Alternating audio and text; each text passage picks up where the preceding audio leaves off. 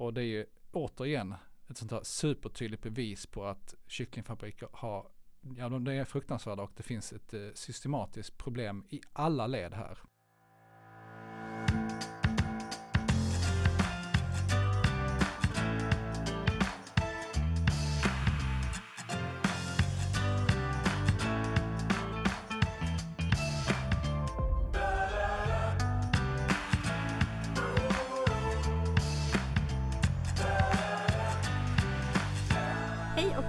Välkomna till Djurens Rätts podd på Djurens Sida. Jag heter Matilda Antti och arbetar som politiskt sakkunnig hos Djurens Rätt. Och jag sitter här som vanligt tillsammans med Sebastian Wiklund, samhällspolitisk chef hos Djurrätt. och eh, tillsammans så brukar vi en gång i månaden ungefär bjuda på spaningar och fördjupningar i djurpolitiska frågor. Så genom att följa podden så får du bättre koll på djurpolitik på samhällets olika nivåer. Vad ska vi prata om idag Sebastian? Ja, idag har vi flera punkter. Det har hänt så himla mycket. Det är eh, det här med kycklingskandaler. Det har ju varit flera stycken under året och eh, senast nu har det kommit en eh, som eh, TV4 var först med att eh, berätta om på Kronfågel. Vi kommer att prata lite om den. Sen så har vi också lämnat över namnunderskrifter. En eh, bra eh, kampanj som vi har drivit för att försöka få regeringen till att ändra sig om eh, 3R-centret som de just nu håller på att ta bort pengarna för. Eh, och det handlar ju då om försöksdjur. Eh, vidare så har ju också kommissionen kommit med några stycken förslag som eh, eh, berör oss och våra frågor. För det första är det Fur for Europe eh, och sen så är det transportförslag, djurtransportförslag. Och eh, sen är det förslag om familjedjur också. Men eh, vi har ju också varit på Miljöpartiets kongress och träffat en massa miljöpartister. Så det tänkte jag att vi skulle kunna börja med att prata om. Mm. Jag lämnar över ordet till dig, till dig Matilda. Thank you. Eh, nej men vi, du och jag då, vi var ju där som utställare och det brukar vi vara på en rad partievent eh, per år. Eh, och då står vi alltså där vid våra, våra monter och eh, pratar djurfrågor med politiker som är, som är där. Och eh, under hösten nu så har det inte varit mindre än sju partikongresser. Men jag vill säga att eh, den här har nog fått lite extra uppmärksamhet.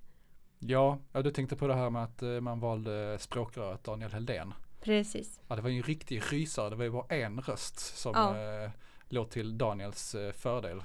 Ja, nej, det var kul att få vara med. Men Eh, det, det är det många som har rapporterat om. Ja, jag, det, att, behöver, eh, det, behöver, det kan vi lämna. ja. Eh, precis, och vi har lite citat från honom kan vi ju nämna, så häng kvar.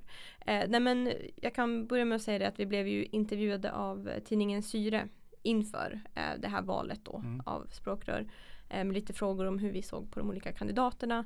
Eh, och på de här frågorna så svarade vi att eh, utan att jämföra Daniel Heldén då med eh, de andra kandidaterna så tycker vi att han har gjort mycket bra när det kommer till djurfrågor Mm. under sin, sitt dryga år här som riksdagsledamot. Och ja, under den här kongressen så dök djurfrågorna upp lite varstans men kanske framförallt i deras EU-handlingsprogram som de antog. Eh, där hittade vi massa djurfrågor eh, som kommer behöva prioriteras under nästa mandatperiod i Europaparlamentet. Och sen så har vi också kandidaterna till e EU-valet som har presenterats av Miljöpartiets valberedning.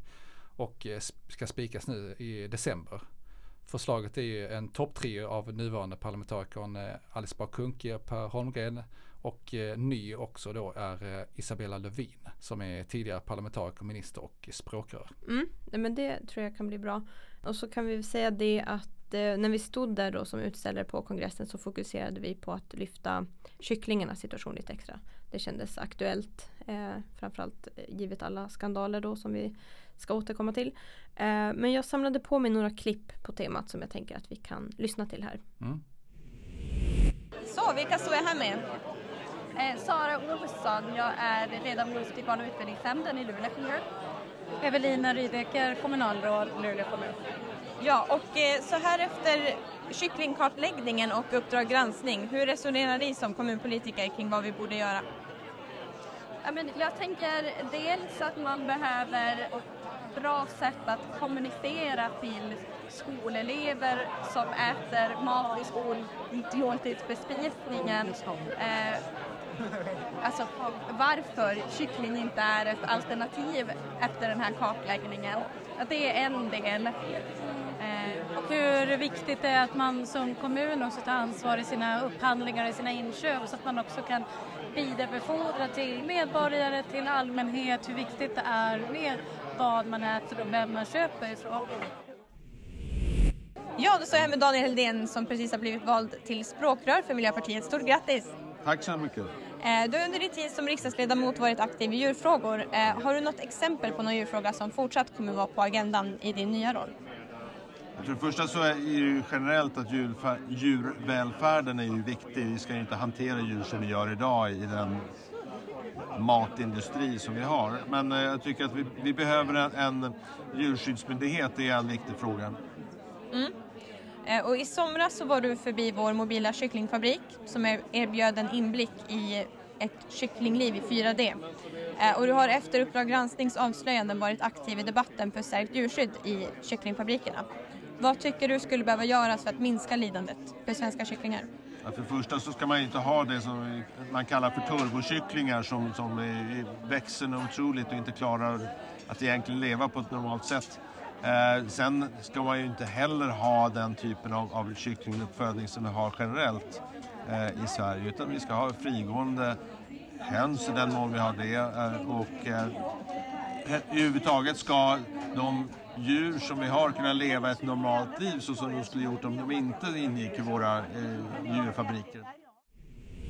Hej, Maja Adesjö. Jag kommer från Falu kommun och, och representerar Miljöpartiet där. Eh, vad tycker du att kommuner kan göra för att säkerställa att kycklingarna ska få det bättre?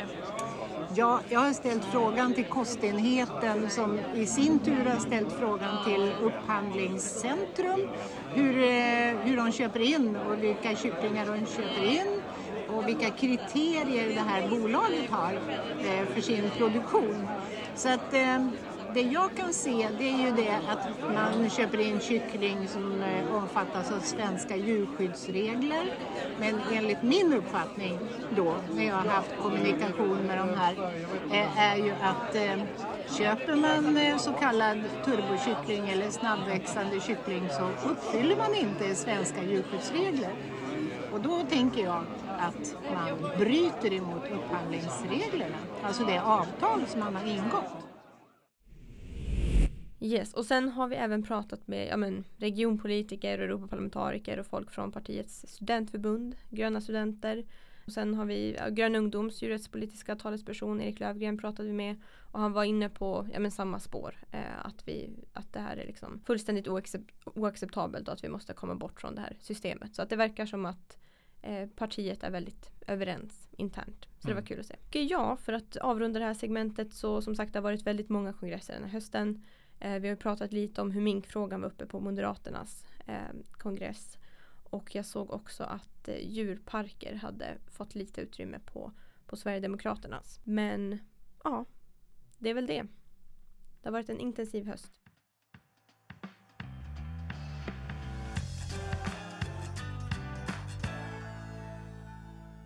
Ja, då ska vi prata om kycklingskandaler.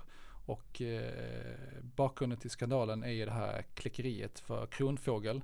Och det är så att eh, Djurrättsalliansen har tagit en eh, anställning på deras kläckeri och avslöjat dem med bilder, fruktansvärda bilder på nykläckta kycklingar som har börjat eh, kannibalisera på varandra. Och eh, TV4 var det först med att publicera detta och det är ju återigen ett sånt här supertydligt bevis på att kycklingfabriker har ja, de är fruktansvärda och det finns ett eh, systematiskt problem i alla led här. Och eh, vi har ju arbetat med detta här och inte minst har vi eh, saker vi vill göra för att liksom förändra detta. För det första så behövs ju turbokycklingar som det handlar om här helt enkelt förbjudas. Det bör inte, bör inte tillåtas överhuvudtaget att använda sig av sådana här eh, hybrider. Och eh, sen så bör ju också Sverige som säger sig stå för eh, världens bästa djurskydd agera för att EU också börjar fasa ut aveln av eh, turbokycklingar. Och eh, det som man kan göra mer är ju att eh, man också ställer högre djurskyddskrav i statliga upphandlingar. Eh, men även eh, kommuner kan ju göra sådana här saker. Och sen så tänker vi också att ehm,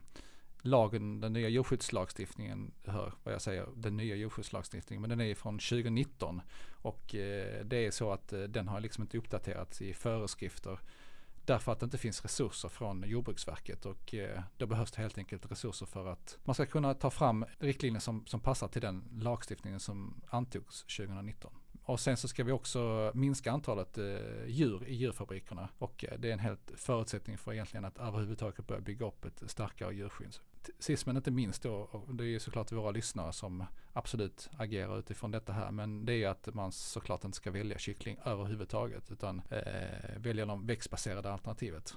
Och eh, för politiken så handlar det om också eh, försöka skapa en politik för växtbaserade alternativ.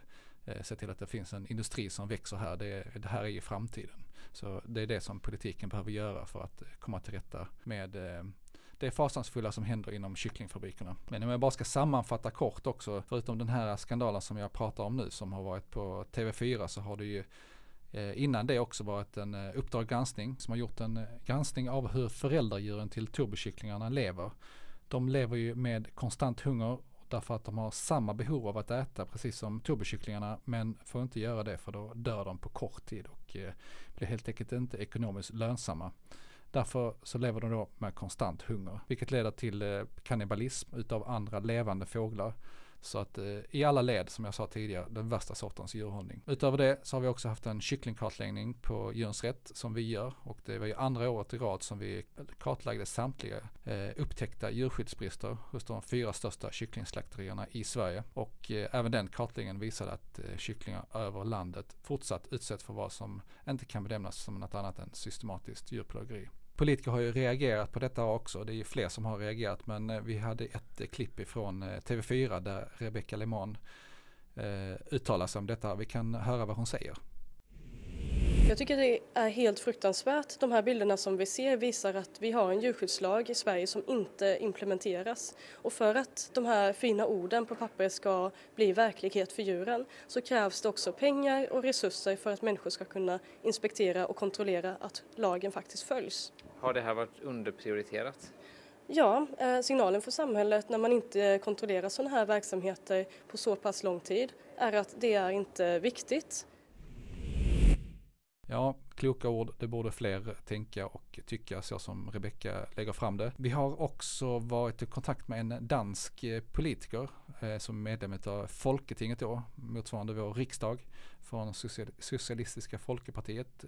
Eh, han heter Karl Valentin och eh, jag intervjuade honom eh, tidigare här idag och eh, vi kan väl lyssna lite på den intervjun. Den är lite längre så att ni får lyssna lite på vad han säger utifrån det danska perspektivet. Mm. Okej. I'm sitting here with uh, Carl Valentine. In Denmark, you had a proposal about uh, what we call a turbo chicken.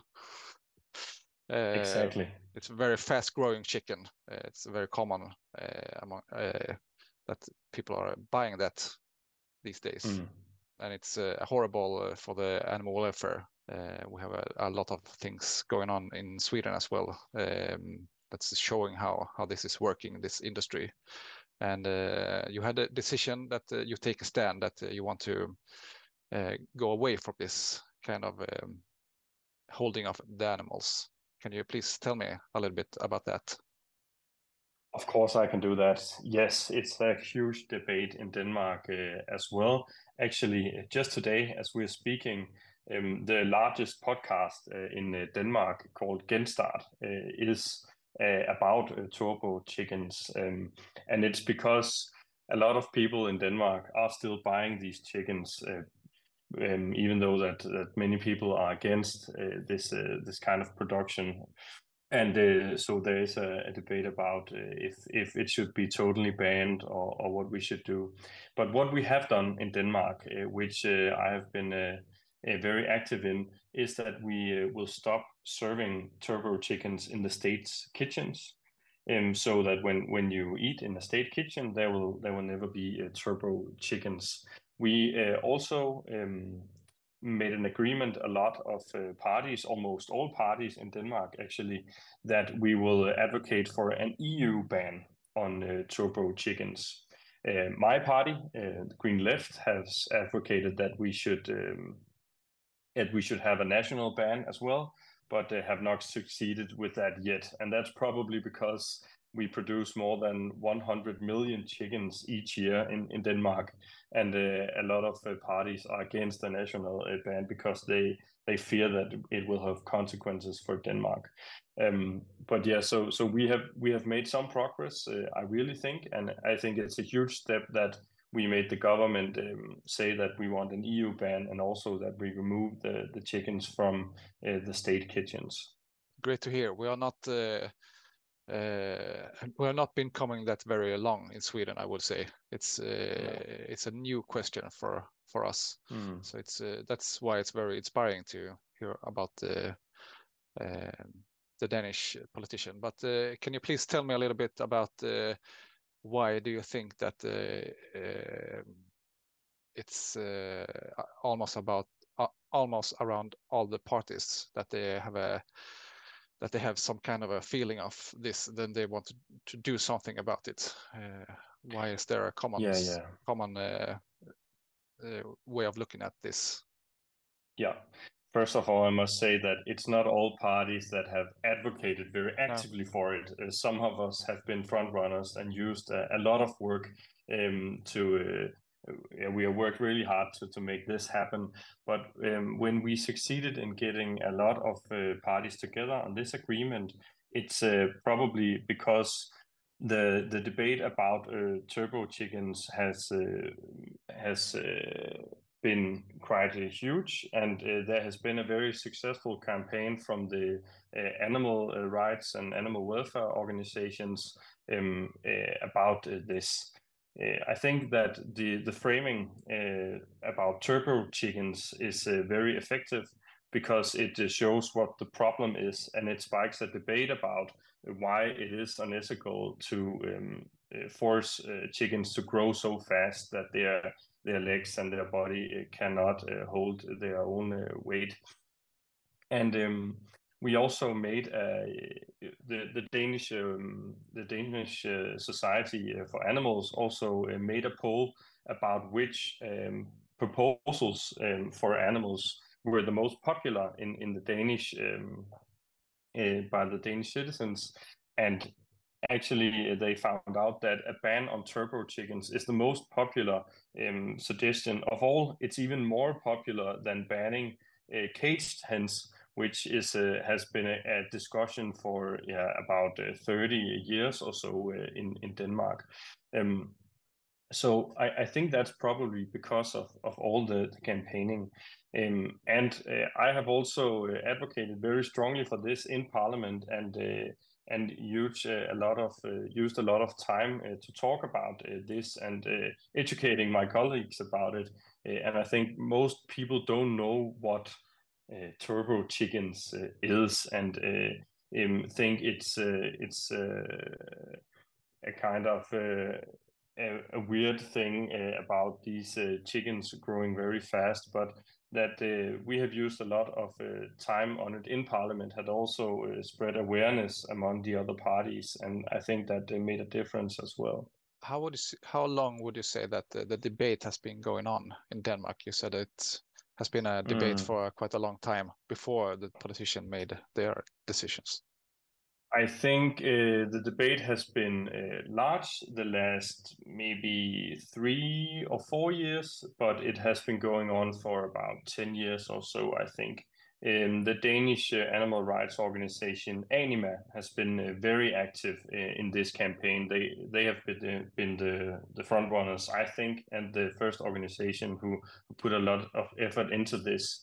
And what they did, and what I think has been pretty successful, is that they um, not only focused uh, on uh, the um, the parliament and what we as politicians could do, but also focused on um, the um, the stores selling uh, turbo chicken. So they campaigned uh, at all the huge uh, chains in Denmark uh, selling uh, turbo chickens in supermarkets, uh, and they forced some of them to make plans to stop selling these turbo chickens. Eh, and um, then, of course, it also mattered um, to the campaign in the last eh, couple of years that that my party uh, have, used a, a lot of energy on this. We are the largest opposition party in Denmark and have been very active. And um, I think, uh, of course, this is something that is uh, quite uh, difficult just to copy in, in your country, but I have also used a lot of time on it and, and spoken to our ministers about it. And I think that that has also mattered a lot because I, I I think it's okay to say that uh, some of the ministers we have had in the last couple of years uh, on agriculture didn't know about this problem. Um, so, so of course, it also matters that uh, we have some people in parliament who have used a lot of uh, time on it. Right now in Denmark, we have a huge uh, debate about how meat and animal agriculture uh, is uh, destroying the climate. And uh, hopefully, we will get a tax on on meat in the next couple of years. And the focus is on the red meat. And of course, it is uh, the focus is on red meat and dairy for a good reason. It is because it, it has the, the most impact. But in this uh, transition to a more sustainable food system, I think it's very important that uh, we who advocate for animal rights and animal welfare, uh, we uh, we make sure that people will not just start eating turbo chickens instead of uh, red meat, right? Because uh, the consequences uh, for the climate might be uh, better in some way, but it will be a disaster for animals uh, because chickens are, are smaller. Uh, it requires a lot more of them if we need the same amount of of meat, and I think.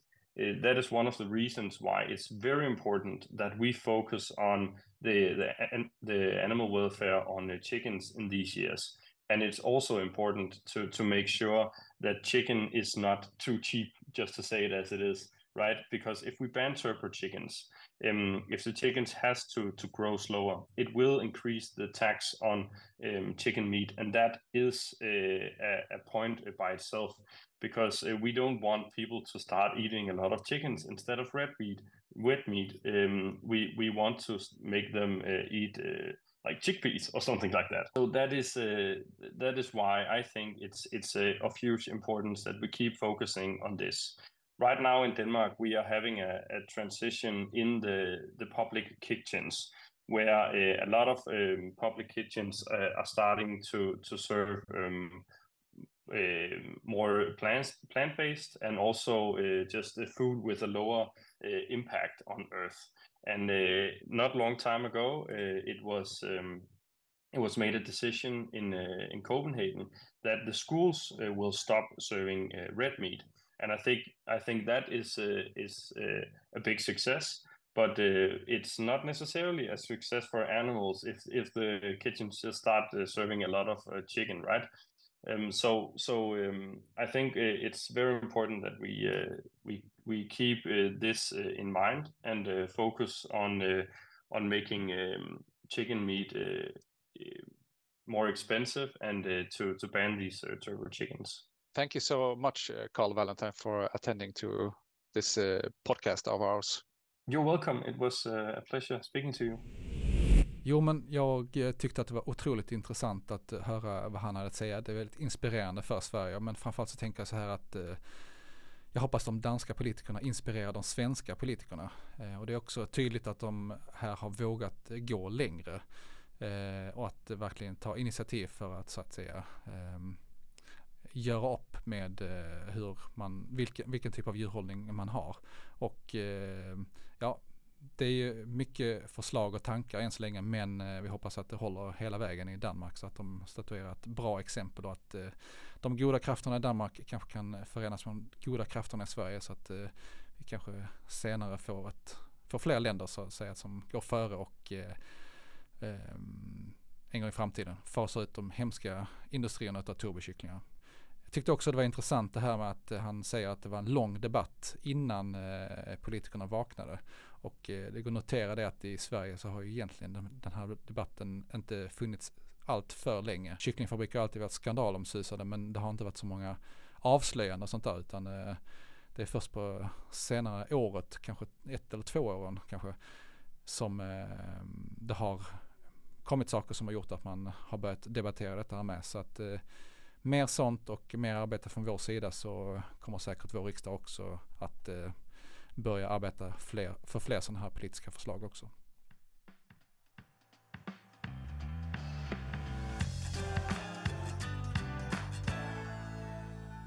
Ja, sen så har vi överlämning av underskrifter för Treacentret. Eh, bakgrunden till det är ju som vi tidigare pratat om här i podden att eh, förslaget till budget Eh, där tog man bort de avsatta pengarna för 3R-centret. Och eh, Jordbruksverket varslar ju då 9 utav 12 anställda på 3R-centret. Så att eh, det är ju så att det blir en mycket begränsad verksamhet utifrån den budget som ligger. Och antalet insamlade underskrifter blev nästan 28 000 som nu har lämnats över till ansvarig minister. Och vi har inte fått något citat från ministern än så länge. Det kanske kommer lite senare.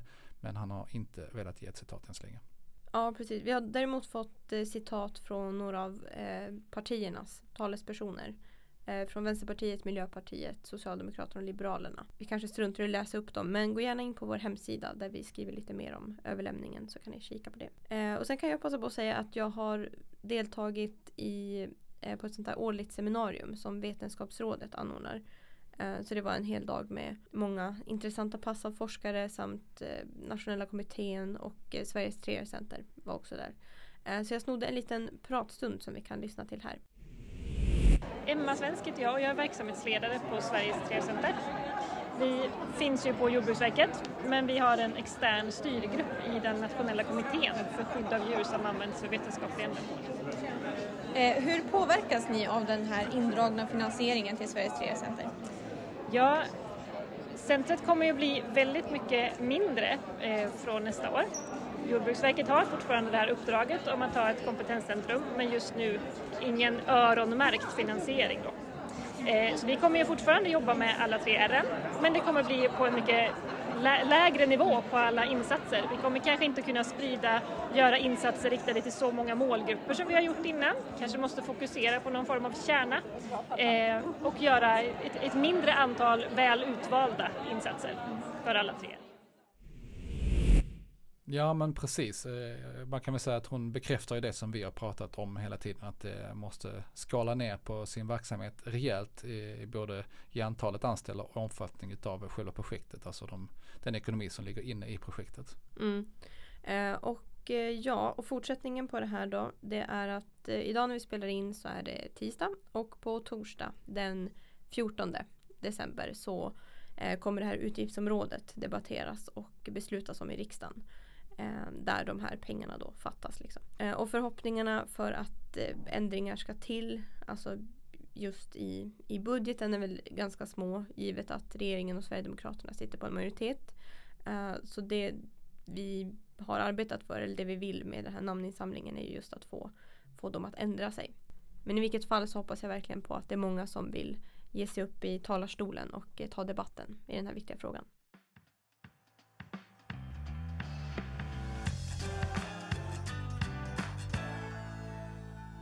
Ja, eh, då ska vi beta av lite mm, EU-förslag. Och eh, som vi har pratat om eh, så många gånger tidigare så var det ju fyra stycken lagstiftningspaket som var utlovade att presenteras under hösten som en del av översynen av EUs djurskyddslagstiftning. Och de här fyra är då hållning av djur, transport, slakt och djurskyddsmärkning av livsmedel. Och av de här fyra då så struntar kommissionen på obestämd tid att lägga fram tre av de här. Eh, något som vi har kritiserat väldigt hårt. Vi har pratat om det som ett eh, demokratiskt misslyckande och ett svek mot såväl djuren som mot medborgarna och eh, vetenskapen. Och sen vi poddade senast så har vi också skickat in ett offentligt klagomål till den europeiska ombudsmannen för att eh, utkräva kommissionen på ansvar. Så vi får se om vi får anledning att återkomma till det. Men i vilket fall så kom de här transportförslagen den 7 december. Eh, och det var en stor dag för då kom även förslag som rör hundar och katter samt kommissionens svar på Fur Free Europe och det kan du få berätta lite mer om alldeles strax. Eh, men de här tre nyheterna i alla fall de revs av under en och samma pressträff eh, med EU-kommissionens vice ordförande Sefcovic och sen så har vi, hade vi även Stella Kyriakides som är kommissionär för hälso och livsmedelssäkerhet på plats och det är hon då som även är ansvarig för djurfrågorna. Och och eh, gällande transportförslagen så hade ett utkast läckt veckan innan. Och när det väl presenterades så var det sig likt. Eh, så det var inga stora överraskningar. Eh, och de här förslagen de rör exempelvis begränsade transporttider och maxtemperaturer och digitala verktyg för spårning. Men det är långt ifrån tillräckligt och vi har därför gått på hårt kring det här. För vi ser inte hur det kommer kunna leda till några eh, större reella förbättringar för djuren. Eh, och det är mycket tråkigt för det är ju en, en bortslarvad möjlighet att gå till botten med ett av EUs största djurskyddsproblem. Ja, nästan ingenting på vår önskelista som, som vi kunde bocka av. Eh, och ett exempel på vad vi hade velat se det var ett, ett förbud mot export av levande djur eh, utanför unionen. Så vi kommer få ja, kämpa vidare för att ministerrådet och Europaparlamentet ska stärka snarare än urvattna de här förslagen när de går igenom lagstiftningsprocesserna. Och eh, vad gäller lagstiftningsförslagen som rör katter och hundar så de syftar till att stoppa sånt som men, hundsmuggling och öka välfärden för hundar och katter inom ekonomisk verksamhet. Och här är vi försiktigt positiva för det finns mycket att göra och vi är såklart glada att man tar tag i det. Men vi menar också att det kan bli svårt att kontrollera den eskalerande onlinehandeln av djur. Där tycker vi inte att åtgärderna verkar tillräckligt skarpa. Så det var det om transportförslagen och förslagen som rör hundar och katter. För den som är intresserad så har vi skrivit lite webbnyheter om det. Så dyk gärna in på hemsidan.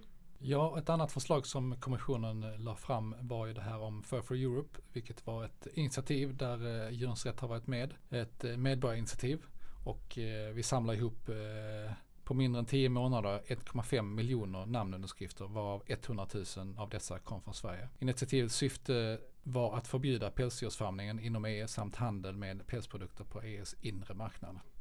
Och eh, beskedet som kom då, eh, kommissionen vad de har tänkt att eh, hur de ska verka för detta här eller hur de har tagit ställning till Fur for Europe. Det är att eh, de nu har lämnat ett uppdrag till EFSA, den europeiska myndigheten för livsmedelssäkerhet, om att senast i mars 2025 presentera en vetenskapligt yttrande. Baserat på detta har kommissionen åtagit sig att senast mars 2026 ha tagit ställning till åtgärder i linje med initiativet. EU-kommissionen planerar att göra tre besök på medlemsländers pälsdjursfarmer, överväga att inkludera mink på EUs lista av invasiva arter och göra en översyn av EUs textilmärkning. Och det som vi i Djurens Rätt tycker om det här förslaget är att det är bra såklart att kommissionen nu har påbörjat ett arbete med ett förbud mot pälsdjursfarmning som bevisligen så många medborgare också har efterfrågat. Det är synd att det drar ut så mycket på tiden helt i onödan. Det finns ju redan mängder med bevis för att ett värdigt djurskydd inte går att tillgodose på pälsdjursfarmar. Ja, och sen kan vi eh, för de lyssnare som har missat den glada nyheten så kan vi ju recapa lite och eh, säga att i september så meddelade ju regeringspartierna tillsammans med Sverigedemokraterna att de i budgetpropositionen avsätter 180 miljoner för frivillig avveckling av minkfarmarna under 2024 och 2025 och att man parallellt med avvecklingen även ska utreda ett eh, förbud mot pälsdjursfarmning att introducera det i djurskyddslagen. Och när man då gick fram med den här nyheten så hänvisade man ju till att det händer mycket på EU-nivå. Ja, det har redan gjort eh, avtryck i vilket fall. Men vi får hoppas att det fortsätter i snabb takt. Ja men precis. Och vi kommer ju fortsätta att arbeta med detta med tanke på att det drar ut, dra ut lite på tiden i EU. Och att eh, förslaget som senare kommer fram att det blir riktigt bra. Och naturligtvis se till att det inte kommer några fler förseningar så att det drar ut ännu mer på tiden. Mm.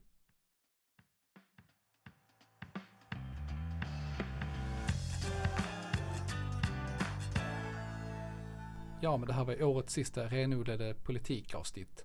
Och för den som eh, tänker lyssna på nästa avsnitt så kommer vi att inkludera några politiska spaningar också. Men annars så kommer ni att höra oss nästa år igen. Och eh, det var allt vi hade att bjuda på idag. Gillar du vår podcast så se till att du prenumererar på podden. Då missar du aldrig när ett nytt avsnitt släpps i din poddapp. Och till sist vill vi tacka dig som har lyssnat idag och resten av året för den delen. Eh, och det är tack vare våra månadsgivare som vi kan fortsätta göra skillnad för de djur som är flest och har det sämst. Och vi behöver din hjälp mer än någonsin så gå in på djurensrätt.se och bli månadsgivare idag. Och vill du som lyssnar tycka till om podden eller komma med önskemål på ämnen och gäster som vi kan ha nästa år så mejla oss gärna på podcast.djurensratt.se. Ha det fint tills vi hörs nästa gång och tack för att du står på djurens sida. God jul! Och gott nytt år! Hej då!